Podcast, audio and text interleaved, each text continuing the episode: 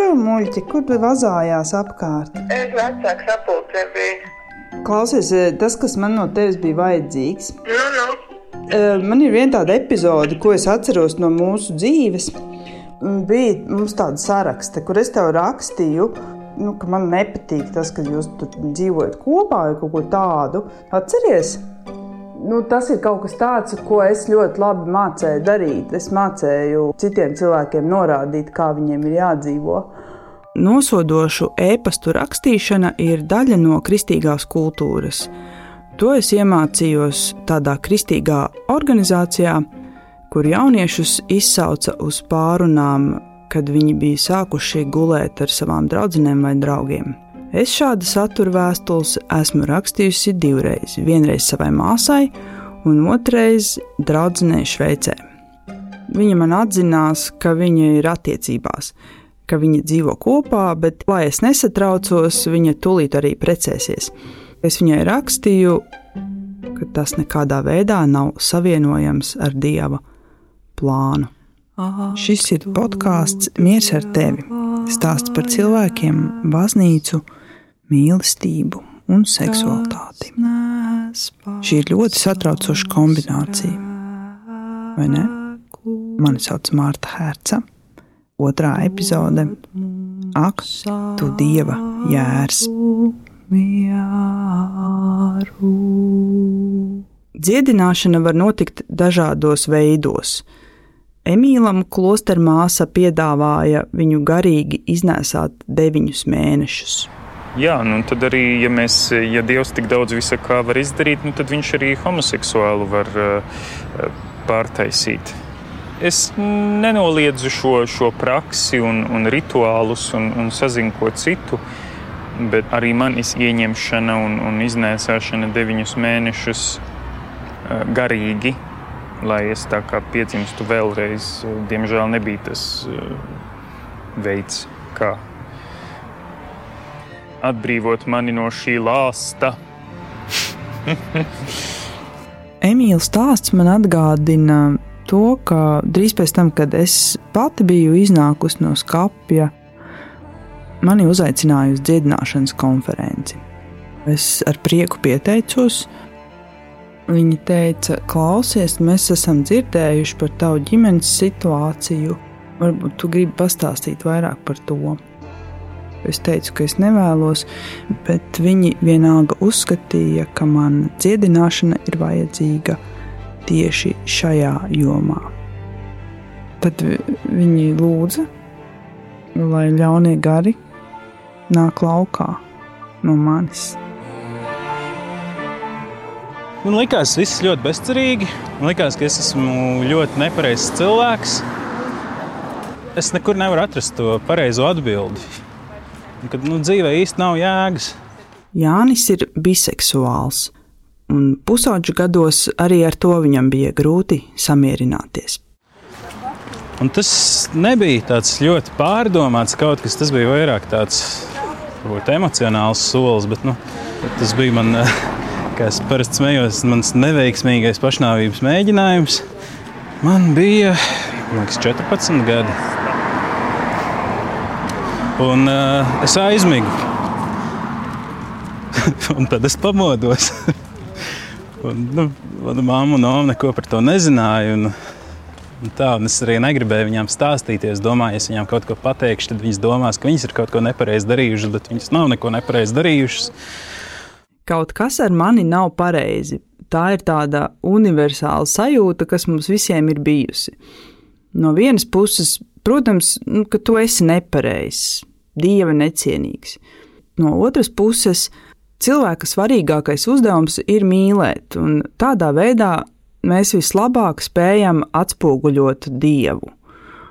Bet problēma ir tāda, ka baznīcā tev saka, tas, kā un ko tu mīli, ir nepareizi.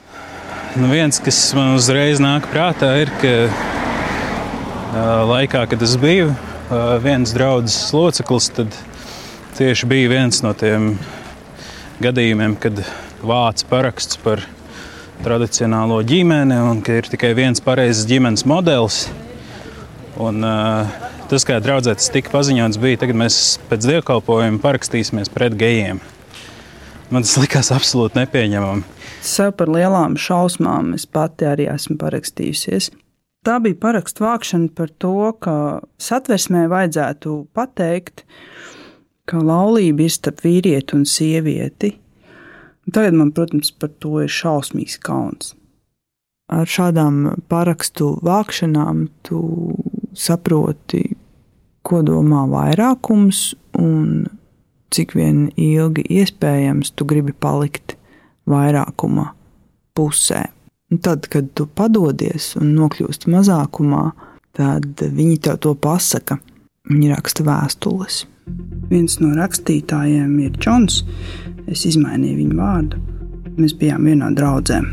Viņš raksta, I got up early this morning to study the Bible and pray. Es šorīt pamodos un studēju Bībeli un lūdzu, kā es bieži to daru. Lasīju un domāju par tevi. Dievs mani mudināja uzrakstīt tev mīlestības vēstuli. If you do not trust God, you will also disobey him. Ja tu neusticies Dievam, tu viņam arī nepaklausīsi. Ja tu tā dari, tu nekad nedabūsi dieva svētības, un tu riskē ar pāragru nāvi. Paklausīt dievam, tas nozīmē, ka tu veltīji laiku, lai saprastu, kāda ir dieva griba tavā dzīvē. Tu lasi Bībeli, tu lūdz. Džons man mēģina pateikt, ka manas attiecības nav dievam patīkamas. Un, ja es tā turpināšu, es nomiršu. In 1 Corinthians 5, Paul tells the church not to judge people outside the church. Netiesājiet tos, kas ir ārpus baznīcas, bet tiesājiet tos, kas ir iekšā baznīcā. Tā man raksta Džons. Viņš turpina, pat nēd kopā ar viņiem. Tā vietā izslēdziet samaitāto cilvēku no sava vidus. Don't even eat with them. Instead, expel that wicked man from among you. Man tas prasīja diezgan daudz, lai uz Bībeli paskatītos drusciņi citādāk. Man bija ļoti viegli. Es jau pirms es vispār, kad biju paņēmusi Bībeli rokās, biju pārliecināta, ka tā nevar būt. Nu, tas, ka liela daļa skaļi runājošo mācītāju saka vārds vārdā vienu un to pašu, ka tas ir slikti un tā ir rakstīts Bībelē un viss un punkts. Cilvēki, kas Latvijā pieder kādai draudzēji, visdrīzāk domā, ka homoseksualitāte un kristietība ir divas nesavienojamas lietas. Ralfa un Rebekas draudzība sašķobījās, kad Ralfs saprata, ka tik vienkārši tas nav. Viņš nevar izvēlēties būt heteroseksuāls, lai gan viņš ļoti, ļoti centās. Viņš sāk uzdot jautājumus, varbūt ir cits ceļš. Pašā sākumā. Okay, varbūt, tā jau bija tā doma, ko tas sagāja kopā ar Rebeku. Es vēlēju viņu izglābju. uh, jā, es, uh, kā mēs sakām kopā, es sapratu, ka man vajag viņai izstāstīt to manu pagātni. Tad es arī izstāstīju viņai par to, ka man jā, ka jau kopš bērnības man ir šīs vēlmes būt uh, kopā ar puišiem. Uh, arī ir tā doma, ka es būšu ar tevi kopā, un es, vai tu esi gatava palīdzēt man mainīties. Jo es mirklī vēlējos to izdarīt. Viņš man atstāja tādu vietu izvēlē, tā kā šeit es esmu, kāds es esmu, vai tu vēlēsies ar mani turpināt draudzēties. Bet pēc tam es sajūtu to, ka tu pilnībā pavisam to visu neatstāji tur pagātnē, ka kaut ko tu kā vilka līdzi, ka tev palika tā interese vai nu kaut kas, ka es tomēr gribu saprast, nu, jā vai nē. Nu, Varbūt jā, bija kaut kāda lielāka mierīga, kad man likās, ka, wow, jā, es, nu, man, ir, man ir meitene, un uh, mēs plānojam precēties kādu dienu, un, un tas tā kā liekas. Bet, nu, perfekti, kā pēc ir rakstīts, kā būtu jābūt, un tā es arī daros mirklos jutos. Un pēc uh, pāris mēnešiem uh, es pat īsti nezinu, kas notika. Varbūt tāda sabrukšana. Katru reizi, kad es iemīlējos, es jūtu kaunu. Es pie sevis domāju, jā, tā ir tā iekāre. Tas ir tas, par ko nomētāja cilvēkus ar akmeņiem.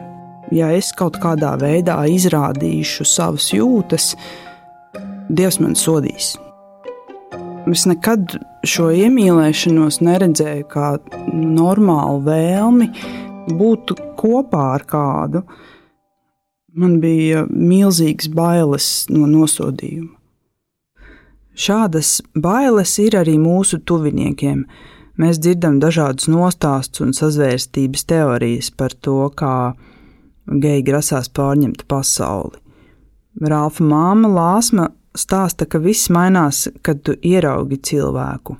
Es pazīstu savu Rālu, nu, es, labi, es, es mazliet pazīstu tevi, un, un es gribētu, laikam, iepazīt vairāk LGBT cilvēkus, kad tā sajūta ir, ka nu, jā, viņi ir. Nav, nav tā, ka viņu nav, ka viņi ir cilvēki, kas veido ģimenes, kas mīl, kas nezinu, tāpat iet uz darbu, jā, vērkās veikalā, nu, nu, mācās. Jā, nu, tā, man liekas, ka tā sabiedrība ir uztaisījusi gejs un lesbietes par tādiem kaut kādiem, es nezinu, ko dinozauriem, kaut kādiem īpašajiem, ko nu, mēs pa gabalu redzam, un, viņi mūs apdraud, ja mūsu mūs parastos normālos.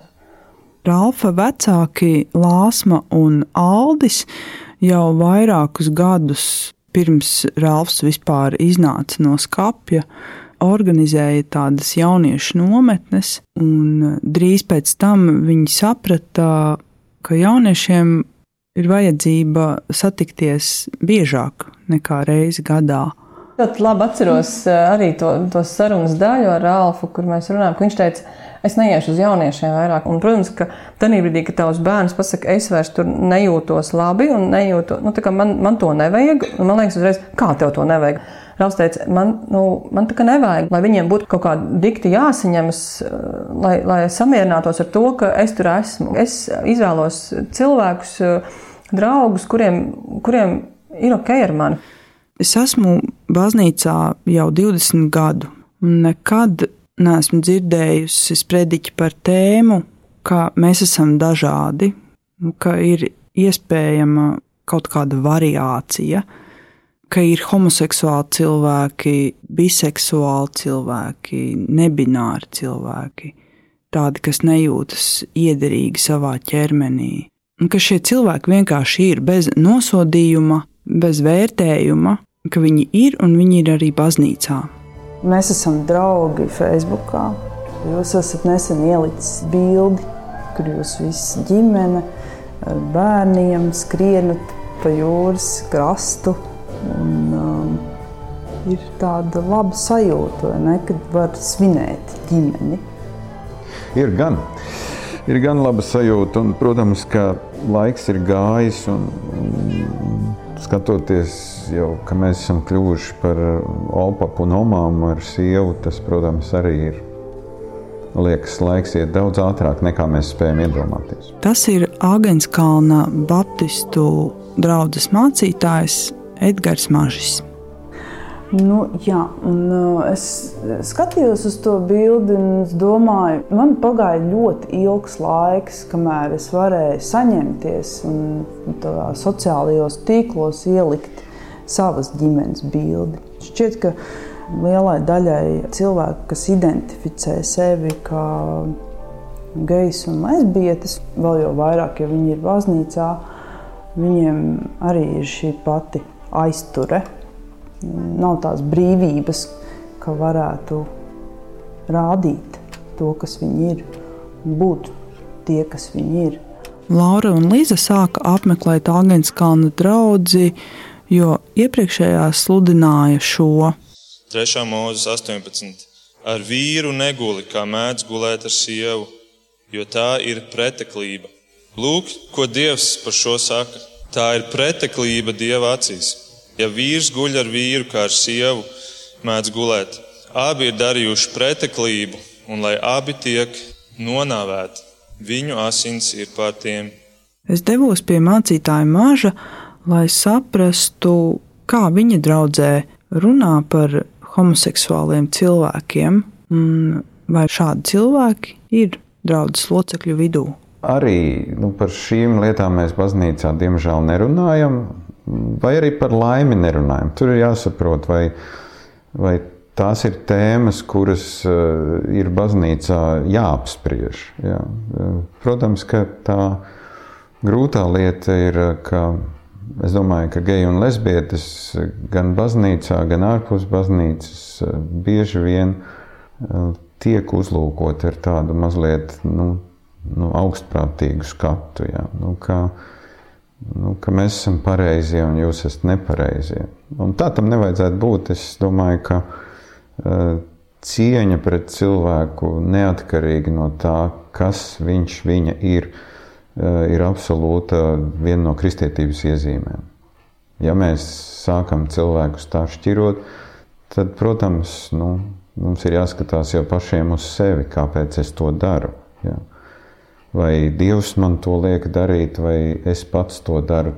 Šim, es domāju, līdz šim ir dažādi viedokļi, kā mēs to skatāmies. Viens ir Bībeles skats uz šo lietu, un, un Bībele, kurā akceptē tradicionālo laulības un ģimenes modeli. Otrs ir reālā ikdienas prakse, kad mēs redzam, ka arī kristieši laulībā šķiras un preces vēlreiz, un ka, ka tas absolūti nestrādā visiem. Un man liekas, ka šobrīd mēs arī baznīcā esam tajā vietā, ka, ka mēs neesam ne par to dziļi domājuši, ne arī dievu lūguši lai saprastu, vai, vai šādi cilvēki, vai geji un lesbietes var nākt uz draugu. Jā, mēs droši vien sakām, var nākt, jā, bet nu tad, lai viņi tad dzīvo klusi, mierīgi un gandrīz nevienam neko par to nestāsta. Laura, kas vairākus gadus jau apmeklē Agenskāna baznīcas dievkalpojumus, nāk no ļoti slavenas baptistu ģimenes. Tad nu, Laura uzaicināja savus vecākus uz vakariņām, lai iepazīstinātu ar Lizu, pateiktu, ka viņas ir kopā un ka viņai patīk meitenes. Es uh, janvārī pateicu vecākiem, nu tad gan bija. Tad bija uh, zvani katru Nu, pirmo, pirmās divas nedēļas, katru otro dienu bija zvans. Pagaidi. Es redzu. Ar, ar tekstiem tev ir jāpiezvana tam mācītājam, tev ir jāpiezvana šim mācītājam, zvani runā. Bet tas jau ir pirms četriem gadiem. Sākumā bija ļoti, ļoti grūti satikties, sazvanīties Tagad aizbraucot, ir apskāvieni bučas, ir jautājums, kā iet. Um, vēl līdz pagājušā mēneša sākumam es biju pārliecināta, ka mani abi vecāki grib, ka es pēc iespējas ātrāk eju ārā no attiecībām šīm. Bet pēc pēdējās sirsnīgās sarunas ar mammu sapratu to, ka viņa jau vairākus gadus vienkārši priecājos par to, ka es esmu laimīga. Jo manā mamma pirms uh, satika tēti, bija cietumā. Un, uh, tad, kad uh, viņi sagāja kopā, tad manam tētim ļoti daudz no baznīcas teica, kā tu vari būt ar viņu kopā. Viņa nāk no cietuma, viņa slikta, ej prom, nebūs labas attiecības. Uh, nezinu, tevi piekrāps, tevi nozags visu. Un, un, un mamma saka, nu, ka es tagad redzu, ka tu ej tieši tam pašam cauri. Es domāju, ka žēlastībai, ko mēs spējam parādīt citiem, ir liela saistība ar to, cik ļoti mēs esam mierā paši ar savu nepareizību. Un varbūt tāpēc manai ģimenei mani pieņemt ir tik grūti, un ka mēs esam tik šausmīgi pareizi. Mani vecāki nav kristieši, un tādēļ es nezinu, kāpēc viņiem ir tik grūti mani pieņemt. Un mēs joprojām varam runāt par visādām lietām, par to, kādi putni parādījušies mūsu dārzos, par to, kādas filmas tētis ir redzējis, par to, kādas izrādes mamma ir noskatījusies, kādas grāmatas mēs lasām. bet ir lietas, par kurām mēs nerunājam. Šoruden nomira mana vecmāmiņa, braucām uz bērēm, bet savu sievu līdzi ņemt es nevarēju. Šī bija podkāsta Miers ar tevi otrā epizode. Podkāsta redaktore ir Justīna Savicka, ar tekstiem strādāja Linda Zemberga, Anija Zeihmane, Katrīna Berga, skaņu režisors Jānis Raitums, vizuālo identitāti veidoja Beāte Bērziņa, stāstu veidoju es, Marta Herca. Paldies, ka klausījāties! Ej un negrēko vairs!